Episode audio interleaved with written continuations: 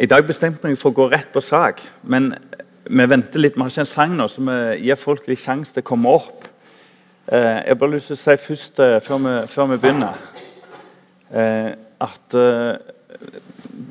og, denne internasjonale kafeen er helt spesiell, altså.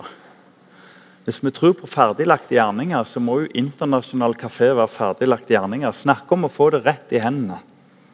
Ikke sant? Gå ut i all verden, og så kommer all verden rett inn på Klepp bedehus. Det er helt unikt. Og jeg må bare si at eh, ja, Vi skal være litt forsiktige liksom, med å skamrose folk. ikke sant? Rose folk kan vi gjøre, men skamrose skal vi være forsiktige med. Men jeg har lyst til å i hvert fall rose og takke Gud for dere som har kommet her. Som på en måte bryter litt mønster og, og kommer utenfra. Og blitt, i hvert fall for min del, til stor velsignelse. Jeg har lyst til å si til alle som, som ikke har vært på internasjonal kafé, at det, at det på en måte det blir litt sånn som andre ting i livet. At det er først etterpå du oppdager verdien av å være i kontakt med sånne mennesker. Så jeg må bare si tusen takk og Guds velsignelse over dere som har kommet fra andre land, inn til oss i fokus. Og så holdt jeg på å si, så kjenner jeg på det at vi har ikke i, i den grad forvalta det som vi skulle. Men, men eh, det er ikke for sent. Sant? Og på internasjonal kafé så sitter der Det er mest sånn du kan ikke tro det, altså. Der sitter muslimer og sufister og og, og, og, asiatiske religioner representert for. Og kreti og pleti innenfor kristendom. Ja. Og ikke-kristne og kristne. Og jeg vil si der er, der er det vi på bedehuset kaller stinn brakke. Og da må jo Guds eget folk være der. Så holdt jeg på å si Snakk om å få det, om å få det på denne sida av bekken. Den tok vi. Sånn. Så jeg må bare si at uh, den kafeen der den er en ypperlig mulighet til å få lov å gå i, i ferdiglagte gjerninger. For Gud, Gud skaper og gjør atskillig større ting enn selve kafeen i seg sjøl. Banner i den. Det går alltid sin gang. Ok. Herre Jesus, takk for dagen i dag. Um, takk for at vi får samles i ditt navn.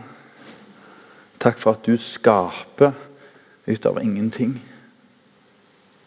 Det gjorde du ved skapelsen. Ut av ingenting så forma du liv og skilte, skilte mørke og lys og skilte vann og jord med din skaperkraft. Den samme kraften, Herre, har du sagt at du reiste Jesus opp med.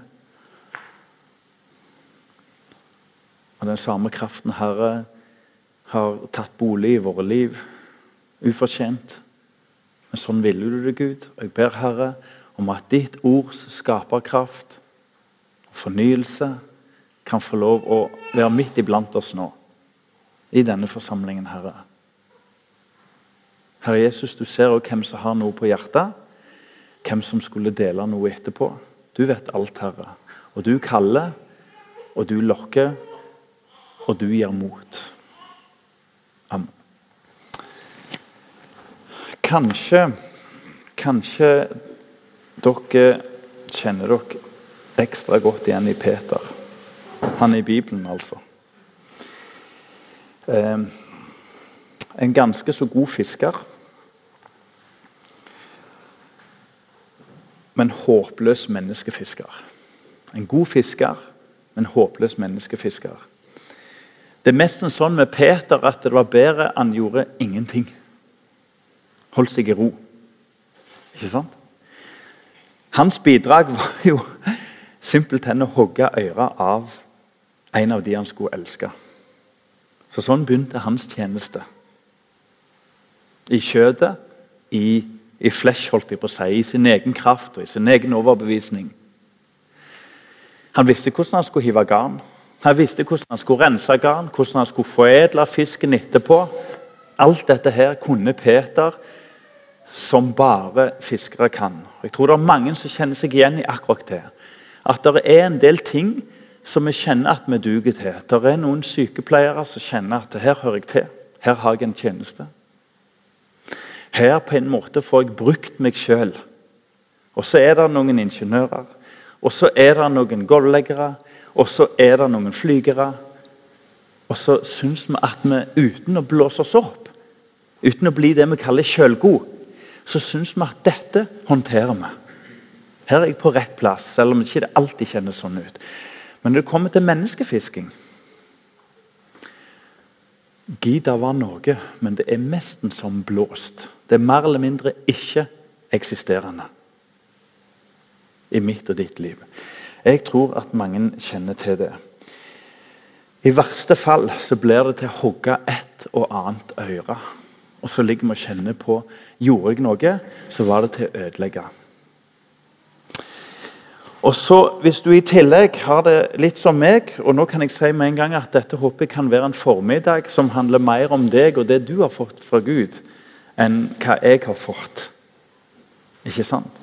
Men hvis jeg får begynne med å si at hvis du kjenner deg igjen i dette, som legger seg som et sånt, litt sånn tungt slør på toppen, så måtte det være noe av det Siren, Marita og meg fikk høre på et kurs nylig om de modale hjelpeverb.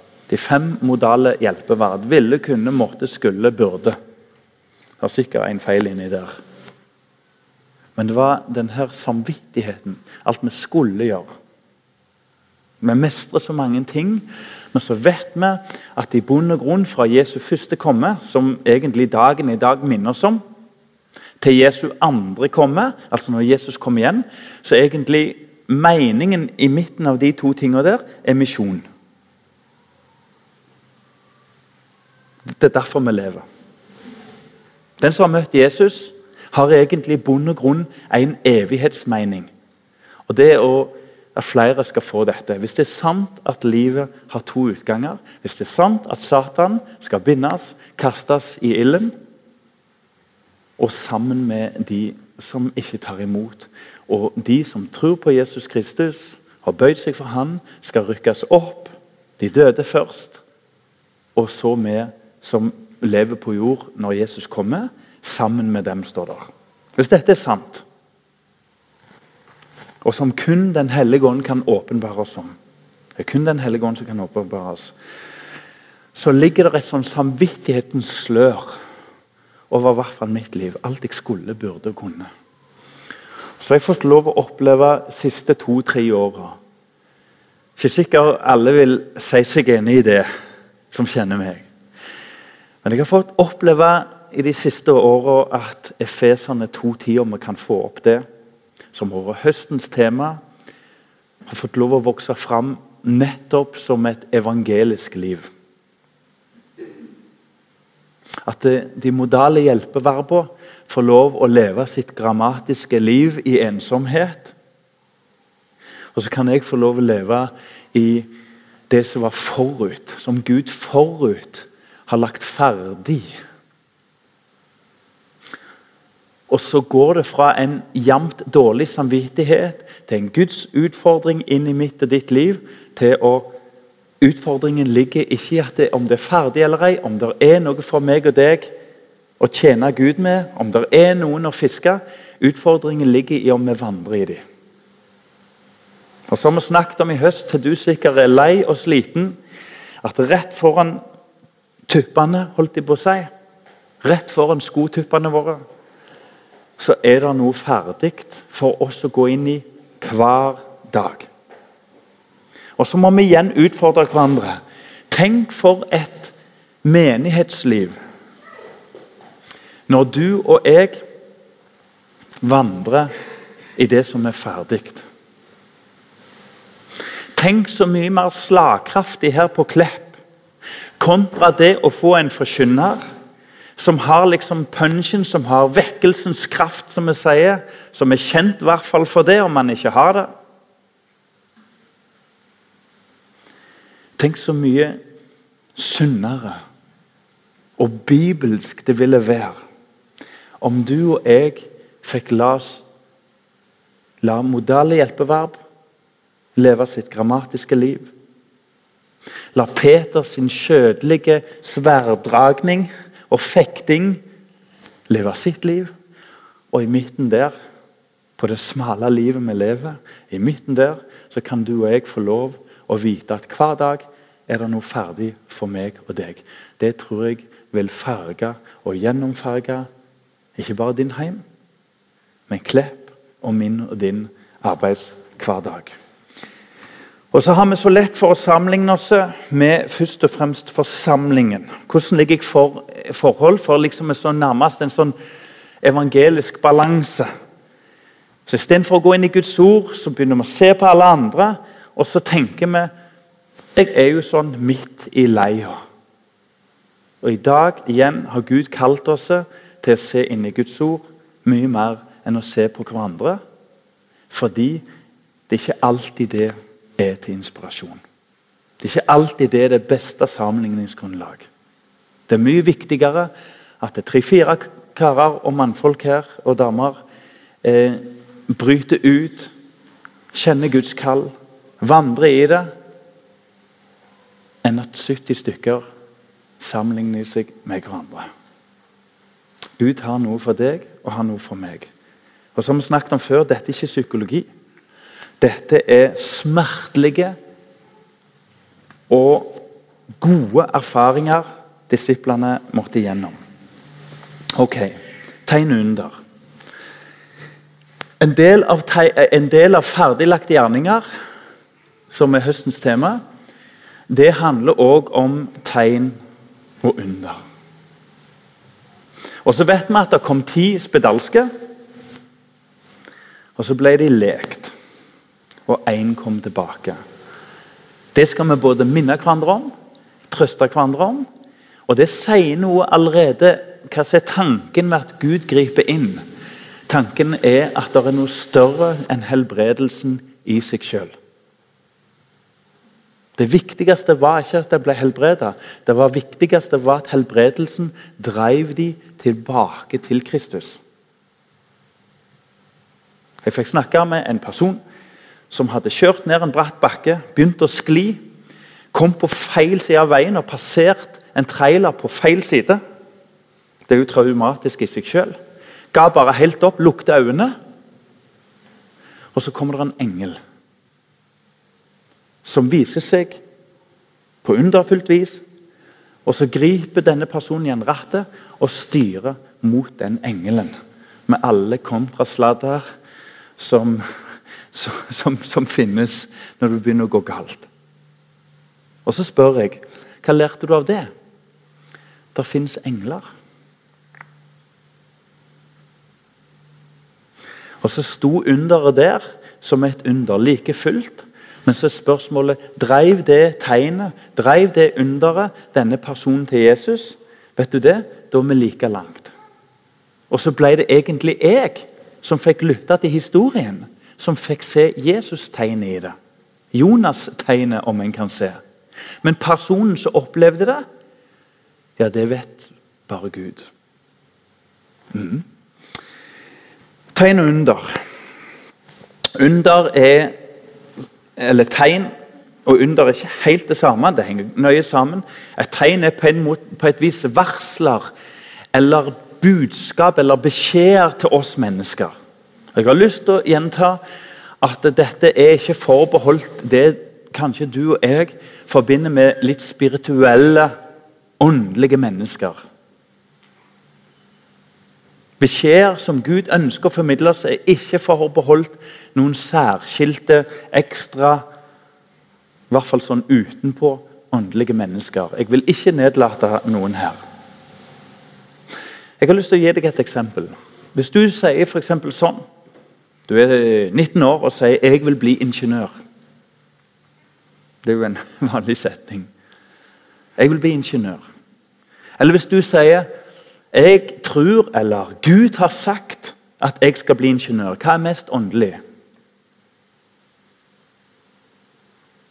Det er jo hvordan du lever som ingeniør, som er mest åndelig, kjære venner.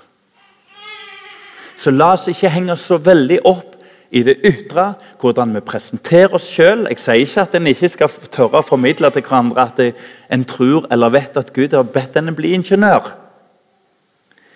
Men det er noe her. La oss ikke, la oss ikke tenke at Gud ikke kan lede oss, enten til det store eller til det lille. For det viktigste er om en vandrer i ferdiglagte gjerninger som ingeniør. Enten Gud sa det, eller du av egen fri vilje kjente lysten til det. Det var en kjent eh, skøyteløper i USA som vant OL-gull, som ikke jeg husker navnet på, selvfølgelig. Og så fikk han spørsmålet om ikke det ble litt mye skøyteløp Nei, løper, mener jeg. så nå lyver jeg. Løper. Om ikke det ble litt mye løping og litt lite ånd og Guds rike osv. Og, og så svarte han, så kontra han så fint. Jeg liker å løpe. Og så tror jeg Gud liker sånn når jeg løper fortere og fortere. For et svar! Ikke sant? La oss stå på, i den plassen vi gjør, men la oss heller gjøre det i ferdiglagte gjerninger. Det er et under i seg sjøl. Og så skal vi få lov å søke det enten fordi vi liker det, eller fordi Gud kaller oss til det. Så får det ene på et vis være like åndelig som det andre, så lenge vi stiller livet vårt til tjeneste for Gud der vi er. Det er der slaget står, og vi vandrer i det. Under budskap kan det være. Det kan være åndsutstrivelse, manifestasjon av straffeunder, helbredelser. Det kan være engler, det kan være ledelser. Bibelen er en eneste ledelse for enkeltpersoner.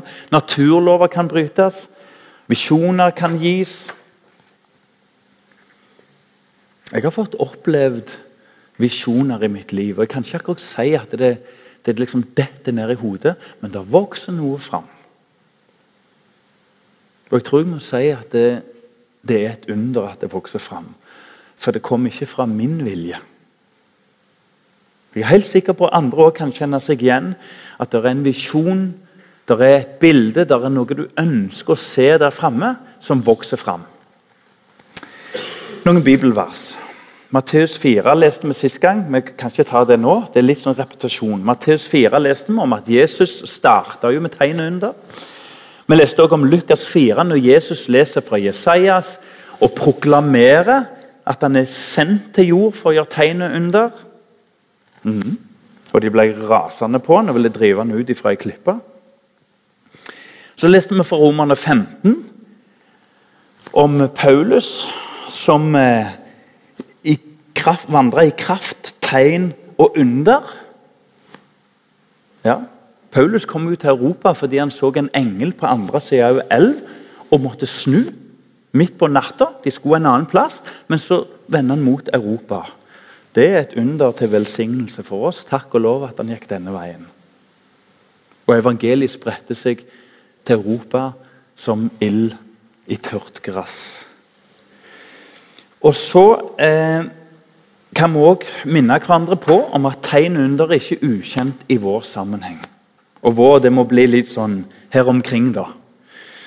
Vi har sendt ut misjonærer som rapporterer fra Afrika at den største tegnet på veksten og grunnen til veksten og vekkelse Da snakker vi om hundretusener, hundrevis av mennesker. Og vi snakker ikke om én eller to eller tre. Vi skal ikke sette det ene mot hverandre. Men de store store vekkelser på misjonsfeltet så trekkes konklusjoner av mer enn én en misjonær, tegn og under. Tegn og under følger vekkelsen og misjonærenes pionertid. Dette er ikke sånn at det, det, gjelder noen helt andre. Det skjer akkurat nå i dag. Spesielt der evangeliet ikke er forkynt før. Så la oss ikke leve et dobbeltliv. Det hører ikke til oss. Det er noe annet. Det kom en kar, fortalte en, eh, fortalte en, eh, en historie. Han hadde falt utenfor et fjell. På mirakelløs vis så opplever han at han ble reddet av en engel. Han skulle vært stein død. Dette forteller han både her og der. Og de ikke-kristne tar imot det. Undres. Så treffer han enkelte kristne som rynker på nesen, omtrentliggjør det, neddysser det. Men han vet helt hundre med seg sjøl. Det var et under, og det var et tegn i mitt liv. Gud ville si noe til meg, og så opplever han skuffelsen. At åndelige ledere neddysser det. Jeg er sikker på at det sitter mennesker her inne som har opplevd noen hemmelige, underfulle, skjulte ting som Gud gjør eller har gjort i livet. Noen budskap Gud sendte.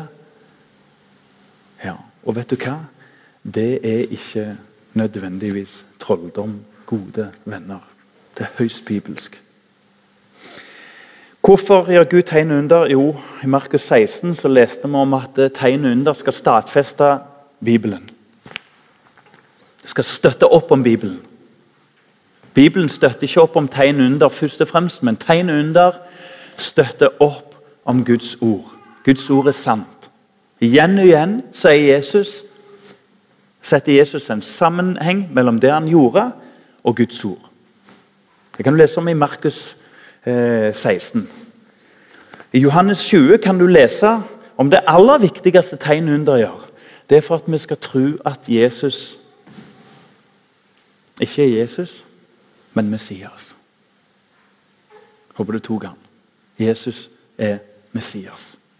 Han er konge. Han bøyer vi oss for. Og Det er da vi skal spørre oss Det Gud har gjort inn i mitt og ditt liv, har det fått lede til det det skulle? Jesus, du er konge. Du er den ene store. Og du har gjort meg til bror. Forstå det den som kan. Eh, hvis vi får opp Matteus 9, 35-36 og Nå håper jeg noen kan kjenne seg igjen i noen ting her. Matteus 9, 35-36. Og Jesus drog omkring i alle byene og landsbyene. Han lærte Nå er vi på trygg grunn. Han lærte Det er jo midt i bedehuslandskapet. Lærte, eller kanskje òg belære. Men så var det det med besmitta, da. Sånn? Han lærte i deres synagoger og forkynte evangeliet om riket. Og han helbredet all sykdom og alle plager. Og så kom det så utrolig fint. Da han så folket, fikk han inderlig medynk med dem. For de var herjet og forkomne som får uten hyrde. Hva er det vi ser rett rundt oss? Velstand, lykke, og rett bakom der ligger tomheten. Forkomne får. Midt på Kleppeverden. Midt på Sørhella. Midt i Sandnes. Midt på Vigrestad. På framsida ser du lykken, og rett på baksida så går det ikke lang tid før vi erfarer på våre jobber. Når vi drar ned på fotballen, eller hvor vi treffer mennesker, så ligger tomheten rett på baksida. Mm. Jesus gjør altså tegn og under av ren, pur kjærlighet. En sånn diakonal side. Kan vi få opp Johannes 20, vers 29? Johannes 20, vers 29. Jesus sier til ham, 'Fordi du har sett meg, tror du.' Dette er jo til Thomas. da. Han som tvilte, han som rota seg til, til, for seg og ikke var der når de andre var der. og det gikk, Var det syv eller ni dager? Eller åtte? Det var åtte beinharde dager fra Jesu oppstandelse i tvil og ensomhet. Salig er de som ikke ser og likevel tror. Vet du hva? Det er et under når du og jeg kommer til tro uten å se Jesus. Og det er det som er jordens største under. Du og jeg som er samla her og ser i bunn og grunn ingenting, men Den hellige ånd åpner ting like underfull som de som møter. Tenk på Maria. Hun Magdalena, vel å merke. Som kommer til grava. Først så ser hun tre ganger inn i grava. Og hva ser hun? Tom. Hun burde jo trodd, bare ut av det Grava er tom. Tre ganger. Og vi vet jo at i bunn og grunn så det å beskytte Jesu grav er det samme som å tro at du bare kan gå inn i Norske Bank eller banken her nede. Det går ikke. Så ene og alene ut fra det så burde du trodd at han var stått opp. Han hadde jo snakket om det nå de siste månedene. Først bedt de ikke si noe, og til slutt hadde han åpna det. 'Jeg er kommet herfra for dette.' Og så er hun tom. Der, ikke, der, går, der skjer ingenting. Det er stein dødt. Så treffer hun en mann som tror hun er gartner. Steindød. Tenk at du klarer å miste mellom gartneren og Jesus. Han som har sagt hele veien det er dette som, det er dette som er, min, som er min fars vilje. Kalken må ikke gå forbi. Dette må jeg gjøre. Så går han inn i det. Så begynner de å samtale sammen. Hadde jeg bare fått snakket med Jesus, hadde jeg bare møtt Jesus I dag tviler jo Jesus at han levde. Men de tror på all slags folk i historien, men en, en tror ikke at Jesus levde. Hvordan går det an? Hadde jeg bare møtt han, Så begynner det en samtale. Det er dødt.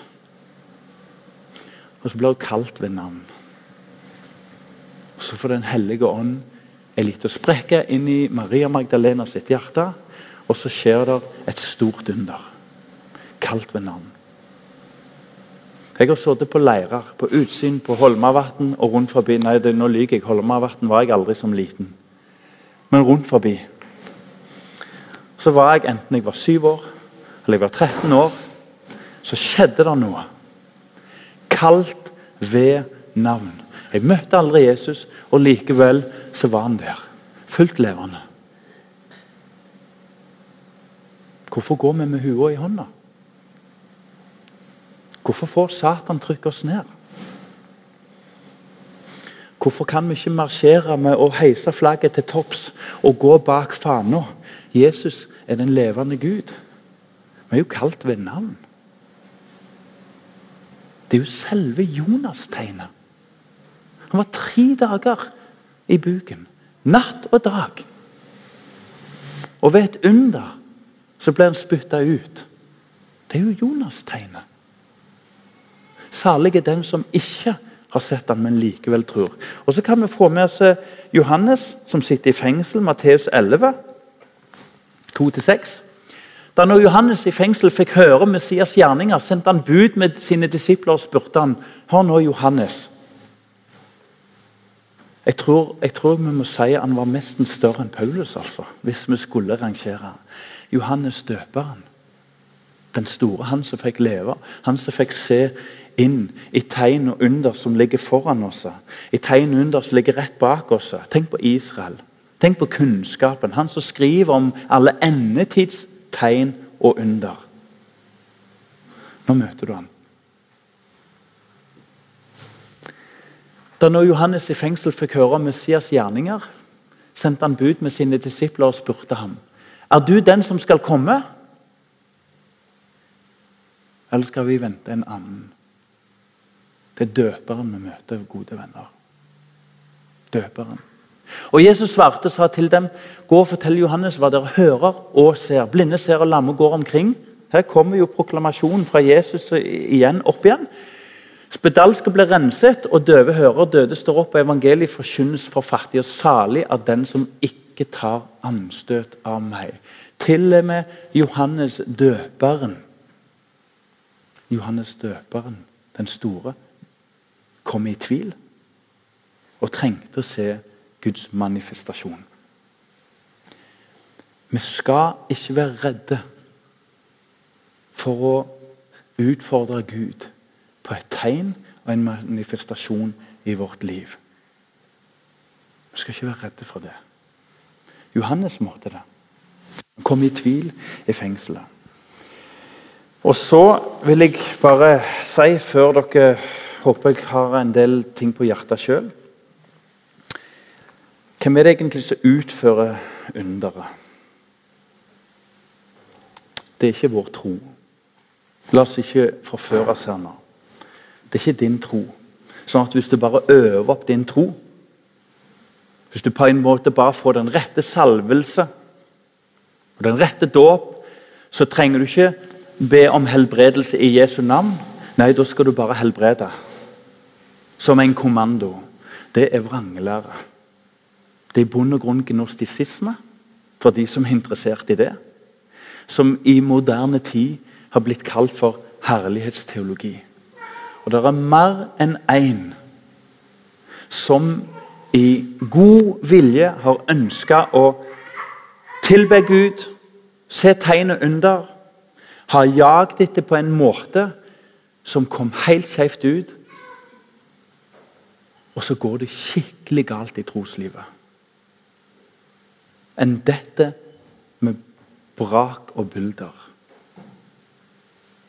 La oss lese Bibelen som den står. For saken er den at eh, tegn under er ikke nødvendigvis i seg selv det eneste kjennetegnet på en levende menighet. Jeg tenker i de baner. Her må vi klare å tenke to ting på en gang. Tegnet under kjennetegner misjonens folk. Og Samtidig så er det ikke et mattestykke. For da må vi begynne å åpne Bibelen og se at Gud sender tegn under, faktisk i, i klaser, i bolker. Hvis du syns Gud har vist seg så lite, hva tror du israelsfolket opplevde før døperen Johannes sto fram i ødemarken? Den første profet på 400 år. Det var ikke en gnist fra himmelen. 400 år. Ikke en lyd. Bare avgudsdyrkelse, vranglære og makedonsk elendighet.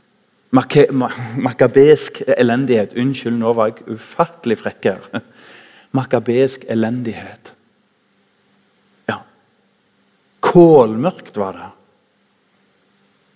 Gud sender ulike tegn og under til ulike tegner i, i, i tider. I Gammeltestamentet er det gjennomgående ikke alltid, men det er gjennomgående naturunder. Gud bryter naturens gang. Og Så er det noen helbredelser av konger og fattigfolk innimellom. I Nytestamentet er det større grad av helbredelser og menneskelig orientering. Akkurat som Gud strammer det til for at det skjer store ting med blodelver og med mygger og med vann som deles. Så strammes det til. For når Jesus kommer til jord, så begynner underet mer og mer å dreie seg om enkeltmennesker. Det henger sammen, dette. Så Gud gjør ikke under akkurat som før. Som om vi skal sitte her og på en måte i kommandoens navn kan bare si sånn skal det skje. Det er en del i Norge i dag som tenker at Jesus faktisk ikke var sann Gud. Han var gudemenneske. Han helbreda som menneske. Det vil si salva menneske. Hvis du er litt våken her nå. Og Hvis du og jeg får samme salvelse som Jesus, Litt sånn som så Moses før og etter brennende busken. Hvis du og jeg kommer inn i den samme salvelsen, så kan vi gjøre akkurat det samme. Vranglere gode venner. Guds sanne folk har alltid gjort helbredelser i Jesu navn, under Jesu navn, ved Jesu navn og hans kongedømme. Og så har en overgitt Herren og svare som en vil. Husker du den månesyke mannen? Der manifesterer Jesus seg akkurat som han finner det for godt. For Det står en mann som kommer og får ikke helbredelse. Jeg lurer på om det er for sønnen. Eh, han får ikke helbredelse. Og så står det de maktet ikke å helbrede ham. Skal vi da gå i en dypere salvelse? En dypere åndelig holdt jeg på å si, mystifisering eller, av livet vårt? Eller en, en, en dypere åndelig greie? Vet du hva Jesus sier? Troløse slekt, sier han. Og så helbreder han han for å vise hvem som er helbredelsens utgangspunkt. Jesus helbreder ikke fordi han er menneske med den rette salvelse. Han helbreder fordi han er den suverene Gud. Ja. Og så måtte de første kristne tåle mer lidelse enn helbredelse.